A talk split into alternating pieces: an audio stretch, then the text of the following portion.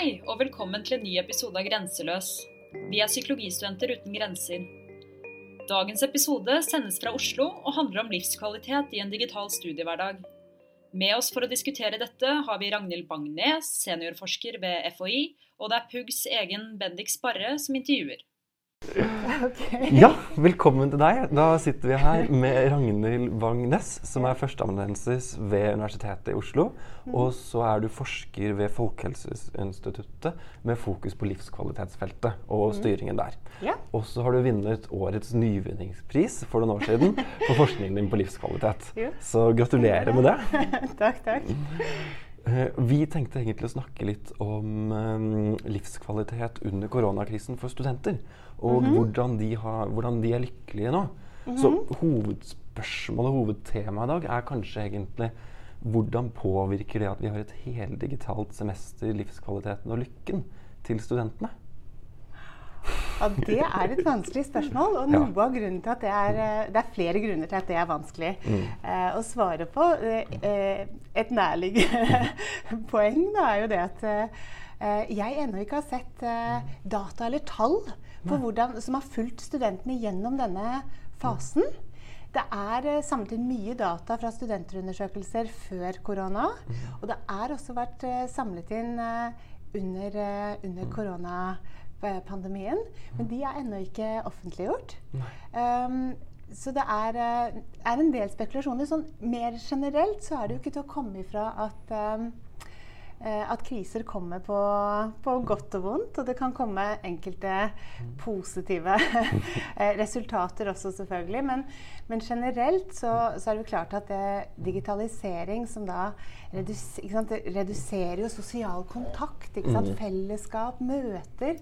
Eh, og vi mennesker vi er jo sosiale skapninger som, uh, som trenger å, å, se hverandre, trenger å knytte bånd. ikke sant? Ja. Så, og, og, det er klart at det sosiale henger veldig sterkt sammen med livskvalitet, trivsel, det å føle seg som del av en helhet. Så uh, man kan jo se for seg at, uh, at det med en heldigitalisert studiehverdag har hatt en del negative konsekvenser. Mm. Eh, på livskvaliteten og psykiske helsen. Kanskje særlig ved å skrenke inn eh, sosial utfoldelse eller, eller andre aktiviteter da, som gjør eh, hverdagen meningsfull. Ja. For jeg har jo lest mye i media om at det er fokus på eldre f.eks. Ja. Fokus på de som er etablerte allerede. Men det har vært litt sånn nå i det siste. Men egentlig ikke så stort fokus på studenters psykiske helse. Og det lurer jeg litt på Uh, om du kan si noe mer om altså studenters psykiske helse i forhold til andre ja. arbeidsgrupper f.eks.? Ja, Det vi har av tall fra tidligere, mm. tyder jo på at studenter er en gruppe som har en del psykiske plager. Mm. Um, I januar så ble det meldt om at én av fire uh, sliter med psykiske plager. Um, og at uh, studenter um, opplever eh, mer plager enn ungdom i tilsvarende, eller unge i tilsvarende alder. Da. Ja. Eh, I folkehelsearbeidet, som jeg ofte befatter meg med, så, så, har det jo vært veldig mye sånn fra politisk hold mye fokus på, på ensomhet. Mm. Eh, som jeg tenker er veldig relevant i forhold til digitalisering og ung, ungdom. Men, men, særlig ensomhet i forhold til eh, eldre. Okay. Eh, og mye av folkehelsepolitikken har, og tiltak har jo på en måte fokusert nettopp på hva vi skal gjøre for, for å redusere ensomhet blant eldre. Mm. Men det er de unge ja. som særlig er ensomme. Eh, og jeg ser i de dataene som vi har samlet inn i 2019, mm. så scorer studenter på linje med sykmeldte og arbeidsledige, og da høyere enn Oi. de som er pensjonister eller uh, yrkesaktive. Men noe av grunnen henger vel sammen også med, med, alder. Her har vi ikke sett på studenter i forhold til alder. Eh, men det er de unge som sliter mest, både i forhold til ensomhet og psykiske plager. Mm. Eh, og så ser vi Vi har noen tall eh, fra juni som, hvor vi har kunnet sammenligne. Men igjen er ikke det studenter. Eh, det er på en måte den generelle eh, befolkningen i, i, Nordland og Agder. Um, og der ser vi at uh, ensomheten uh, faktisk gikk ned uh, okay. i yrkesaktiv alder. Mm. Men en økning blant eldre kvinner. Mm. Så vi ser liten endring i, i på befolkningsnivå fra, fra eh, februar-mars ja. og til, eh, eh og til eh, juni. Okay. Eh, men ikke sant? Det, store, det, kan være store forandringer som har på en måte Eller fluktueringer i perioden før juni. Ja. Eh, og undersøkelse blant skoleungdom på videregående skole eh, under de mer strenge tiltakene i, mm. i våres viser jo en, eh, en stor økning i ungdom som opplever dårlig livskvalitet. Eller i hvert fall at andelen som opplever å ha det bra, mm. som scorer fra 6 til 10 på en skala eh, om livstilfredshet, eh, har blitt eh, markant høyere. Altså de som eh, andelen som, eh, som scorer høyt på livskvalitet, er blitt lavere. Ja, etter korona. Ja, absolutt. Mm. Og det vil jeg tro at vi også kommer til å se i studenterundersøkelsene. Når vi får tallene fra de? Ja, det tror jeg. Og på mange måter så, så ser vi jo at eh, mange i yrkeslivet har kommet tilbake på jobb, ikke sant? Mm. Og, og, i eh, småskolen og i videregående skole, i ungdomsskolen. Mens eh, studentene, i hvert fall her i Oslo, har jo en full digitalisert eh, studiehverdag. Mm. På psykologi i hvert fall. Med unntak av de som er første, førsteårsstudenter. Da. Ja, de får jo noen seminarer mm. i hvert fall. Mm. Men selv der så er det jo ganske mye ja. digitalt også. Ja. Og ja før vi på en måte går litt inn på din lykkedefinisjon ja. og hvordan det, man psykologisk kan se på velværen ved et digitalt semester, mm. så vil jeg på en måte bare ta litt sånn motsatt retningsspørsmål. Og det er tror du det kan være noe positivt ved det at absolutt alt er digitalt og absolutt alt er Ja, det er det jo. på seminarer? Eh, eh, men spørsmålet er om det selvfølgelig veier opp for alt det negative. Ja. Men, men det, altså, det, er jo klart at vi, det blir jo mindre smitte av det. Ja. Eh, man blir mindre syk, mm. helt åpenbart. Men, mm. men, jeg kan på mange måter ikke se så mange andre fordeler, da.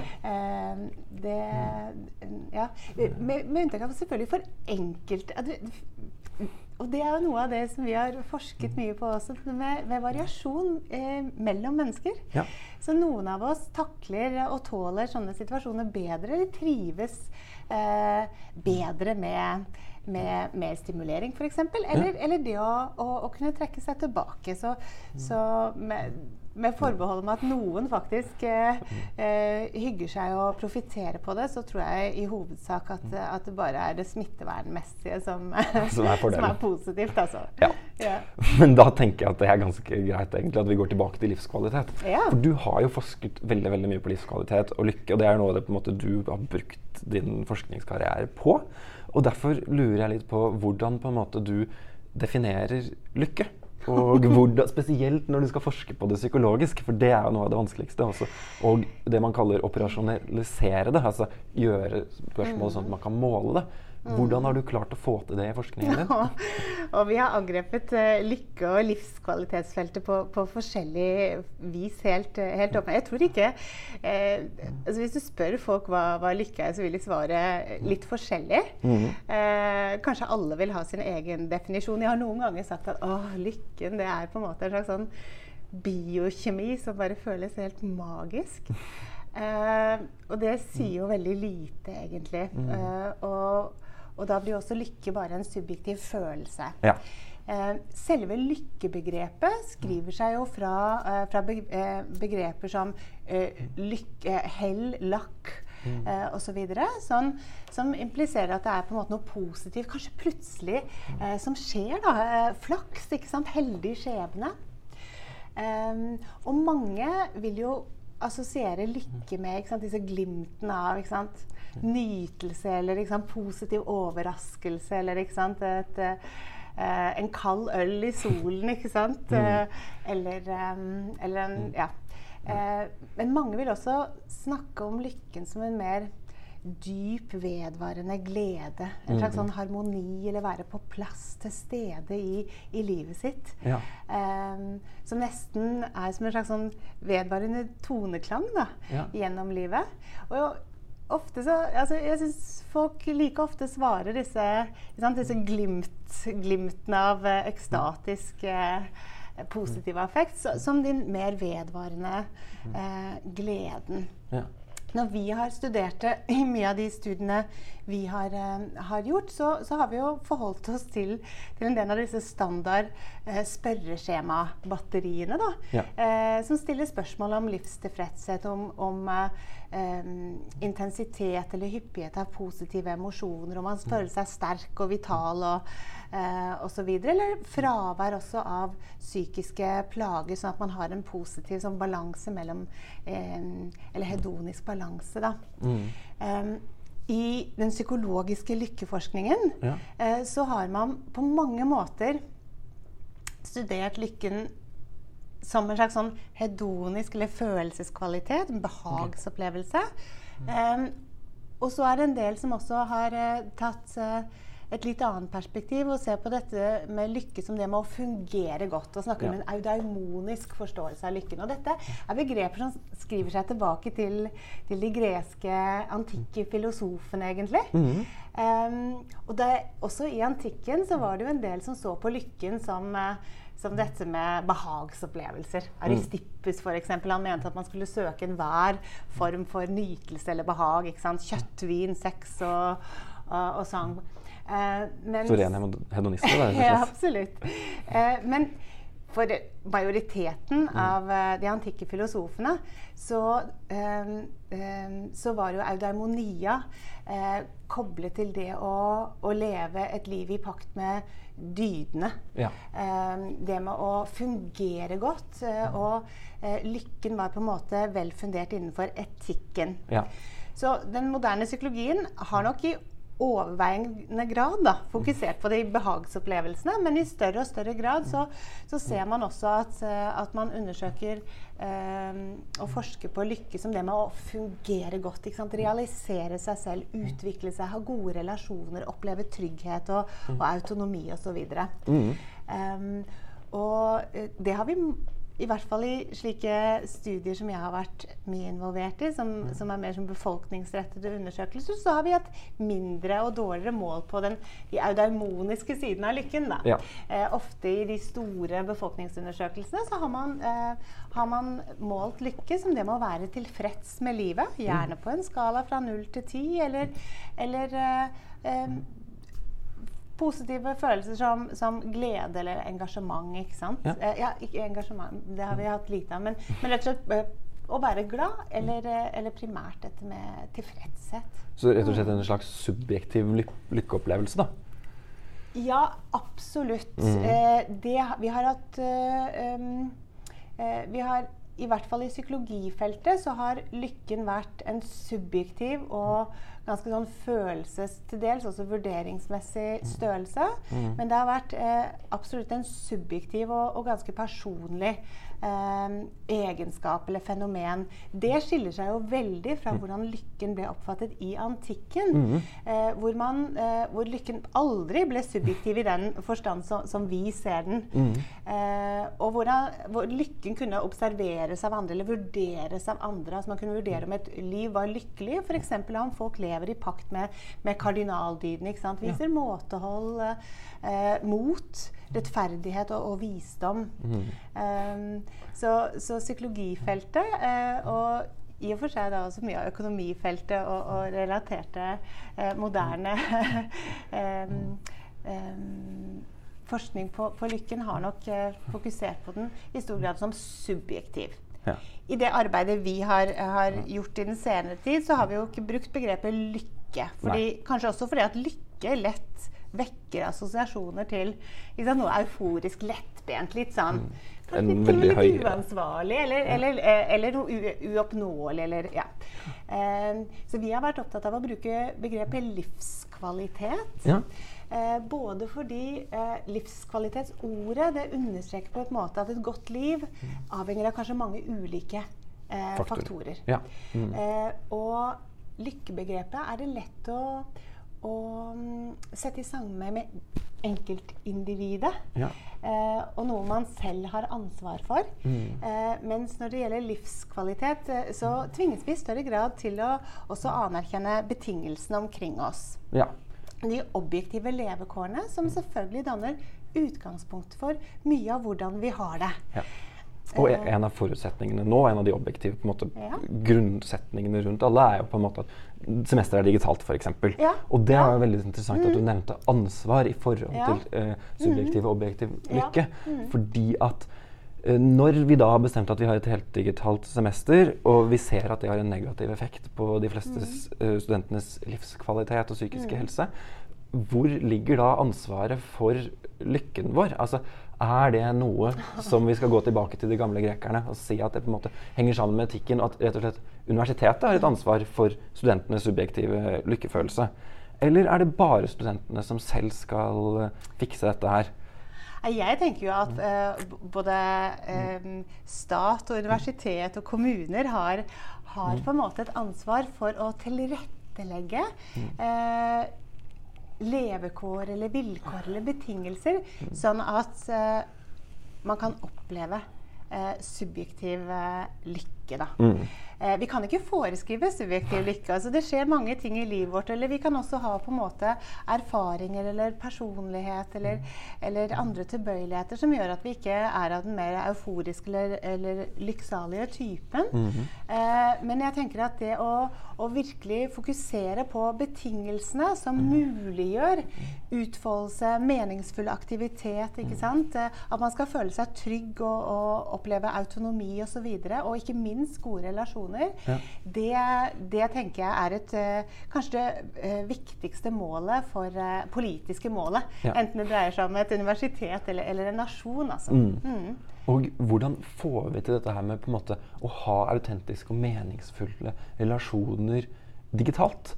For det har vi jo, det har jo sikkert du vært på Ja. ganske mange Zoom-møter og Zoom-forelesninger nå. Ja. Og man merker jo at det på en måte Det funker. Men, men det er ikke det samme. Du, jeg vil si at Det er ganske kjipt for forelesere også, kan jeg se for meg, når du har liksom 100 studenter som har avskudd kamera. Altså, jeg har avskudd kamera selv, så jeg kan ikke snakke. Men Ja, det er det, det, er det helt klart. Det, øhm, helt åpenbart. Ja. Jeg har faktisk opplevd å, øh, å gjennom våren ha så hyppige og tette møter med noen kollegaer at da vi møttes fysisk, så ble jeg overrasket over at vi ikke hadde at det var gått to-tre måneder siden vi hadde sett hverandre. Så på en eller annen måte Ja. så, så føltes det som at vi, at vi hadde møttes. Ja, okay. Så det var en underlig opplevelse, faktisk. Så, så i noen grad så, så kan jo slike digitale møter eh, i hvert fall veie opp for, eh, for noe, da. Ja.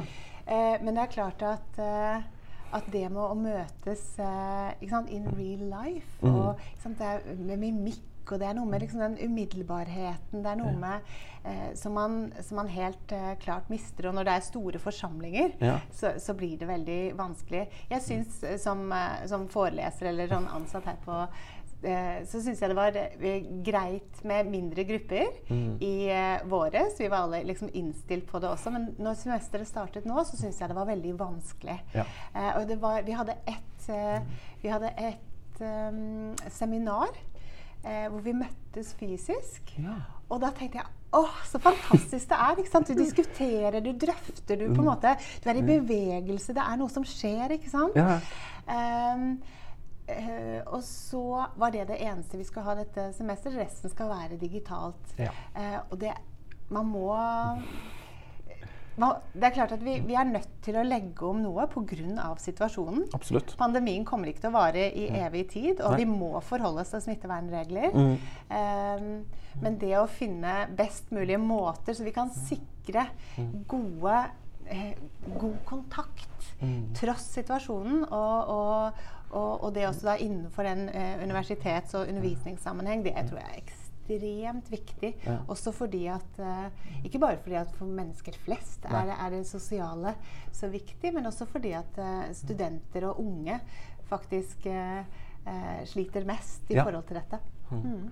Og jeg vet at det kanskje er litt sånn tall order å spørre om, men har du noen konkrete tips eller noen sånn ideer for hvordan man skal ha bedre livskvalitet, eller hvordan man skal på en måte ta mer vare på seg selv under et digitalt semester, spesielt for de nye studentene? For jeg tenker at det er en kanskje stor forskjell på vår, Når du snakket om vårsemester, at da gikk det veldig bra, mens nå er det vanskelig med oppstart, er jo én ting var at vi på en måte kjente hverandre. Vi hadde på en måte litt sånn rammene inne allerede i vår.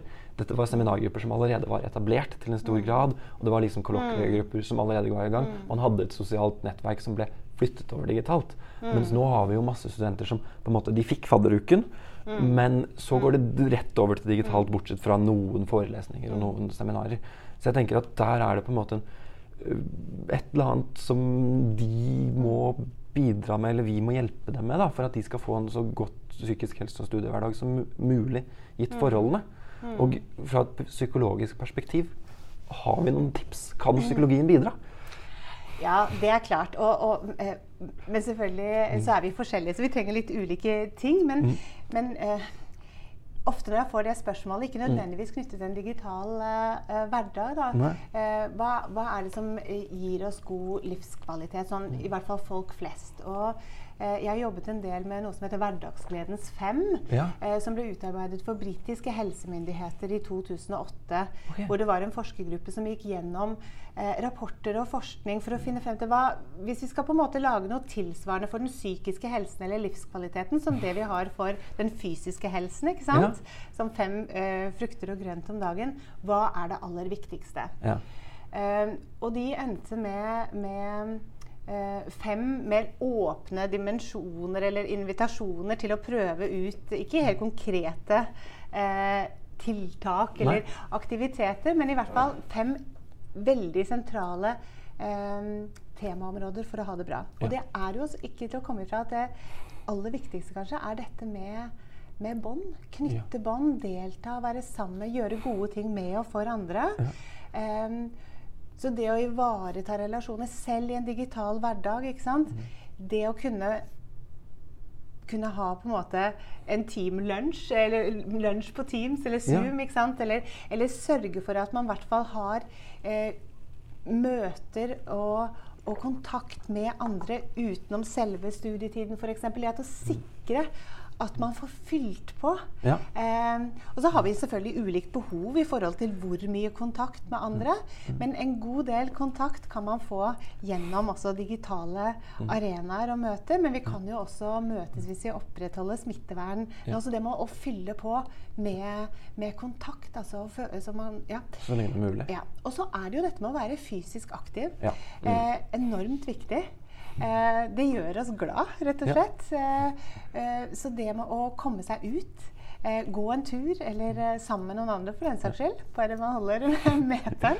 Eh, fysisk aktivitet, gjerne trening, men det med å være fysisk aktiv, eh, veldig viktig. Um, det pleier også å snakke om dette med å være oppmerksom til stede. Mm -hmm. reflektere både over hvordan man føler det, og eventuelt agere i forhold til det. Men, men også det med å, å legge merke til, til eh? Det kan være høsten som kommer, eller menneskene omkring seg, eller, eller um, um, Ja, det Ja. vi har omkring oss her og nå. Um, det med liksom, bevisst nærvær. Ja. Og så det fjerde er dette med å søke å være nysgjerrig eller lære nytt. Okay. Det kan man jo få gjort eh, Ja. på mange vis også under et digitalt eh, semester. Men det å lære, Ja. eh, utvikle seg, det ligger på en måte iboende i oss. ikke sant? Ja. Eh, Vi ønsker å oppleve kompetanse og strekke, strekke oss. Og det å, em, å fortsette å lære. Og så er det, det siste av disse fem er dette med å gi eller bidra overfor andre. Ja. Eh, og det var det veldig mange som gjorde i større grad enn de pleier da pandemien slo inn. Mhm. Og undersøkelser fra SSB f.eks. viste at rett etter at tiltakene satt inn, så opplevde folk at de hadde flere eh, nære eller flere å støtte seg til hvis de fikk problemer. Ok. Eh, ja. Så det er noe Og- positivt da, kanskje? Ja, vi har også sett eh, at, eh, at både på Island og her har vi sett en nedgang i enkelte aldersgrupper i, i ensomhet. Sannsynligvis fordi folk har Mm. hatt mer oppmerksomhet på, på andre. Og det gir også glede for en selv. Ja. Så det er disse fem eh, som jeg tenker kan være nyttige. litt sånn nyttig um, verktøykasse, nesten, eller medisinskrin. Så vil vi på en måte connecte, eller altså uh, ha kontakt på ulike vis. Noen vil spille tennis, og noen vil gå en gåtur. ikke sant? Og noen vil lese om bosnisk uh, arkitektur, ikke sant? mens andre vil, vil uh, finne ut av hvordan ikke sant? Carl Jung eller, eller historien til, um, til trakerne i Bulgaria, eller altså, hva enn det måtte, måtte være. Men, men, det er liksom fem, fem temaer da, som, mm. som er koblet til det å oppleve glede. For de aller fleste av oss. Ja. Men noe som jeg tenker er utrolig viktig, er også dette med å strukturere hverdagen. Ja. Eh, det med å ikke sant, komme seg opp og sette et skille mellom studietid og sikre at man får da sant, eh, privatliv eller, eller venneliv. ikke sant? sove godt. Altså disse, disse, tingene tenker jeg er veldig viktige også. Så rett og slett å stå opp og kle på seg om morgenen, egentlig? Ja, ja, mm. ja rett og slett. Altså, det å opprettholde på en måte Eh, døgn og normalt liv. Mm. Det er nok viktig. Ja. Mm. Og det er kjempemorsomt at du fikk inn den kommentaren om introvert og ekstrovert og Carl Jung der. fordi det tenker jeg kanskje er det neste uh, vi også skal snakke om, som du har forsket på. da. Uh, Carl Jung har jeg ikke forsket på. Altså. Ja, nei, vi, vi, kommer ikke til å gå så dypt inn i Jung, men han er et godt utgangspunkt. Fordi okay. at han hadde jo på en måte mye med de psykologiske typer, og at han mm. delte opp uh, i introvert ekstrovert, at han fant opp den forskjellen, og at han la til disse kognitive funksjonene, var jo én måte å måle personlighet på når han gjorde det på midten av 1900-tallet ca. Og da var han veldig opptatt av motivasjon. Altså hvordan er det som er, Hva er årsaken til at noen gjør en handling eller ikke? Men det kan ikke nødvendigvis måles. Det må jo på en måte kommes frem til via introspeksjon. Mens det vi driver med nå, og det du har forsket mest på, er jo the big five. Eller femfaktormodellen, som den kalles på norsk. Og ja. da lurer jeg litt på sånn generelt om du kan forklare for de nye studentene og for oss, hva er det femfaktormodellen går ut på, og hvordan har personlighet, spesielt introvert og ekstravert, å mm. gjøre med hvordan vi takler en digital studiehverdag? Og hvordan former det liksom livskvaliteten vår?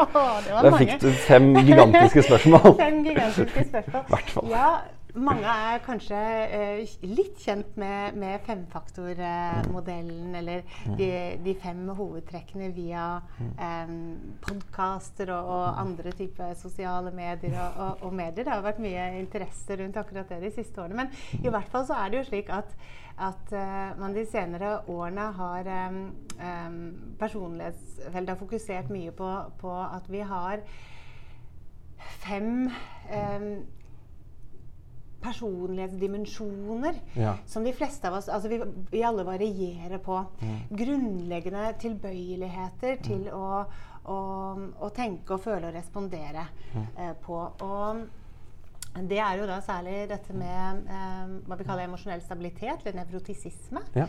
Og så er det eh, ekstroversjon. Mm. Eh, vennlighet, eller omgjengelighet, som det ofte kalles. Eh, planmessighet og åpenhet for erfaring. Ja. Um, og når det gjelder liksom, emosjonell stabilitet eller, eller um, uh, nevrotisisme, så handler jo det om å være uh, tilbøyelig til å, til å, oppleve en del negativ affekt, eller, eller ikke. altså det med å, å, å oftere oppleve f.eks. frykt eller, uh, eller, bekymring eller impulsivitet osv. Mm. Uh, mens ekstroversjon det er på en måte mange, mangefasettert uh, mm.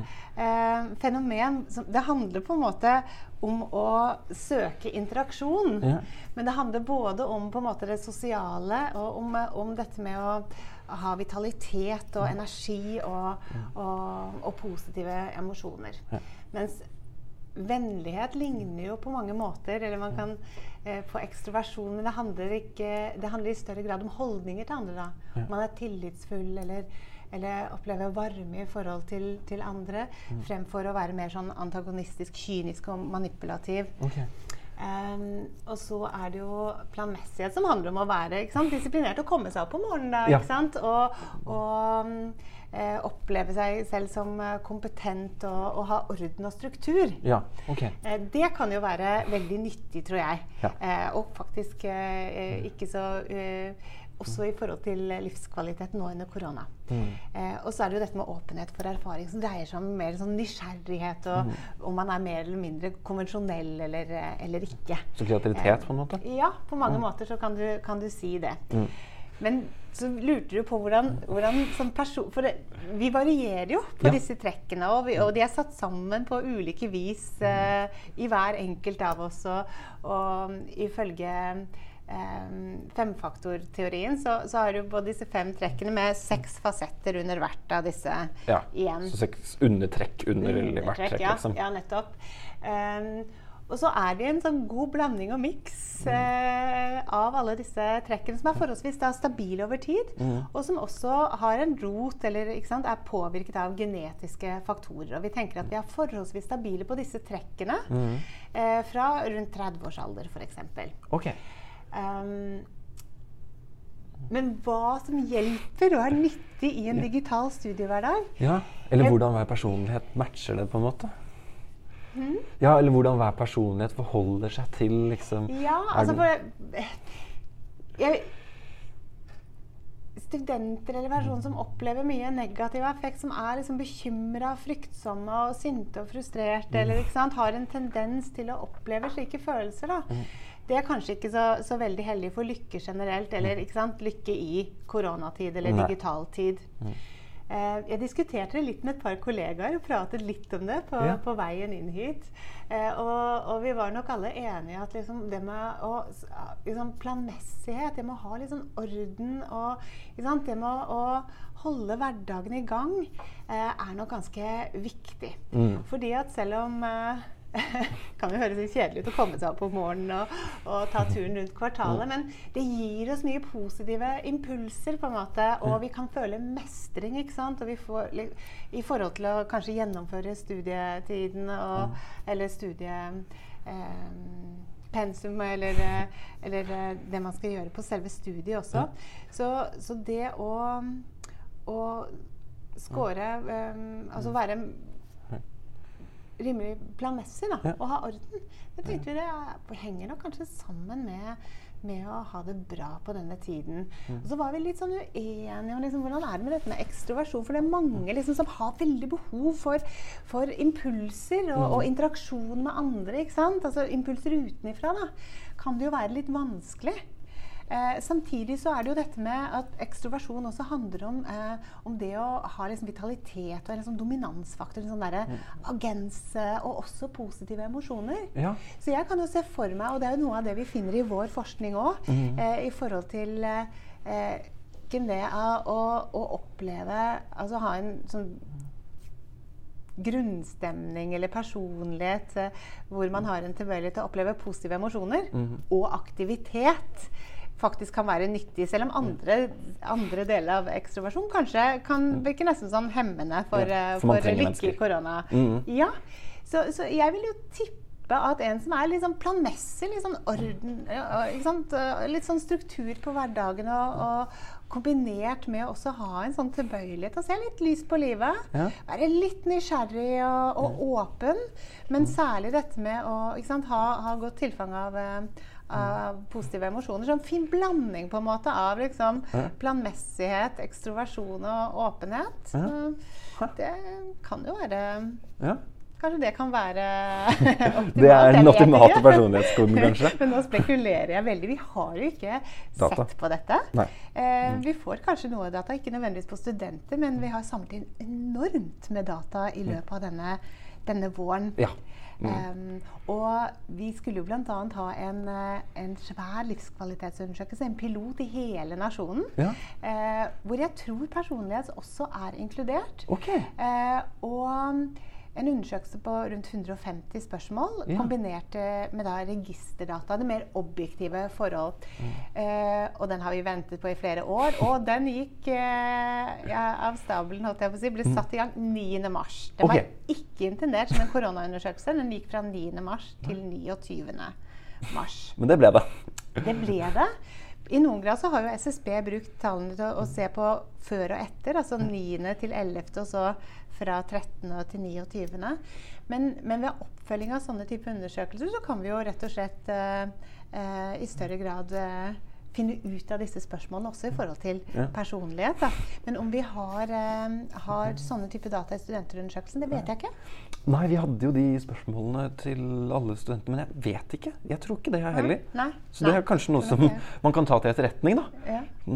Men eh, da bare hadde jeg ett siste spørsmål. for, fordi jeg syns det er så fascinerende dette her med Ok, At en ekstrovert person som da har høyere positiv effekt, altså mer positive følelser, og en planmessig person som da altså er flinkere til å strukturere hverdagen sin Hva med de stakkarene som ikke er planmessige i det hele tatt? Jobber på midnatt, eh, surrer rundt hele dagen, eh, går på impulser og lever mest i sitt eget hode, altså er mer introverte enn ekstraverte. Går det an å balansere altså, Kan man få god livskvalitet under korona allikevel? Hvordan gjør man det hvis det på en måte er det motsatte personlighetstrekket av ditt eget som er det som skal til for å få god livskvalitet? Og så er dette her relativt stabilt, så du kan ikke bytte personlighet bare. Ja, nei, Det er et vanskelig spørsmål. Når du nevnte dette med introversjon, så tror jeg absolutt at det med å være introvert kan, kan ha mange fordeler Mm. som student i denne, denne fasen her. Altså. Ja. Absolutt. Um, vi kan definitivt uh, ta del i, i uh, slike uh, livskvalitetsaktiviteter som det jeg snakket om. Ja. Så vi, vi er jo forskjellige. Um, og det er klart at, uh, at vi finner og vi henter og genererer glede i ulike, ulike aktiviteter og ting. Og, og jeg må jo si at jeg finner utrolig mye glede og lykke egentlig i en sånn skeptisk lesing av faglitteratur og sånt nå. Ja. Um, så, så det er absolutt rom for å finne glede uavhengig av personlighet. Eh, vi ser jo i forskning at, eh, at de som scorer høyest på tilfredshet med livet, og som, som kanskje også ender med å ha de sterkeste relasjonene eh, Det er jo, altså, er jo på en måte som scorer høyere på ekstroversjon og lavere på nevrotisisme. Ja. Det er jo de trekkene som er særlig koblet med, med livstilfredshet. Eh, men jeg tror det er så mye glede i livet som er koblet til ikke sant? Altså, Vi har våre egne veier til Mm. glede Ja. eh, og mening. Ja. Eh, og jeg tror ikke vi skal nødvendigvis bare være så opptatt av, eh, av lykken som tilfredshet eh, heller. Nei. Eh, men det er klart at eh, for enkelte så er denne situasjonen som vi har nå, vanskelig. Mm. Eh, veldig vanskelig. Og, og det er en mismatch mellom hvilke interesser og preferanser og hvilke muligheter man har. Mm. Eh, men det med å være bevisst på det og forsøke å gjøre noe med å tilrettelegge eh, både forventninger, men også de betingelser man har rundt seg på best mulig måte for at man likevel skal ha et godt liv og komme seg gjennom denne tiden som kommer til å ta slutt. Ja. Vi får tilbake livet. Og så kan man kanskje også eh, dette med å, å være bevisst på hva man faktisk har også. Ehm, ehm, ehm, og, det kom, og det som kanskje er positivt med den situasjonen man har nå, lete etter det. Mm. Ehm, det kan jo være, um, være en god idé. Ja. Men så enormt fascinerende. Tusen, tusen takk for samtalen. Og da er det altså en samtale med Ragnhild Bangnes med PUG. Og så kommer vi nok til å få flere samtaler, og tusen takk for alle innspillene. for at du gadd å bruke tid på dette. Jeg vet det er veldig mye som skjer for deg akkurat nå med forskningsdeadliner og alt mulig.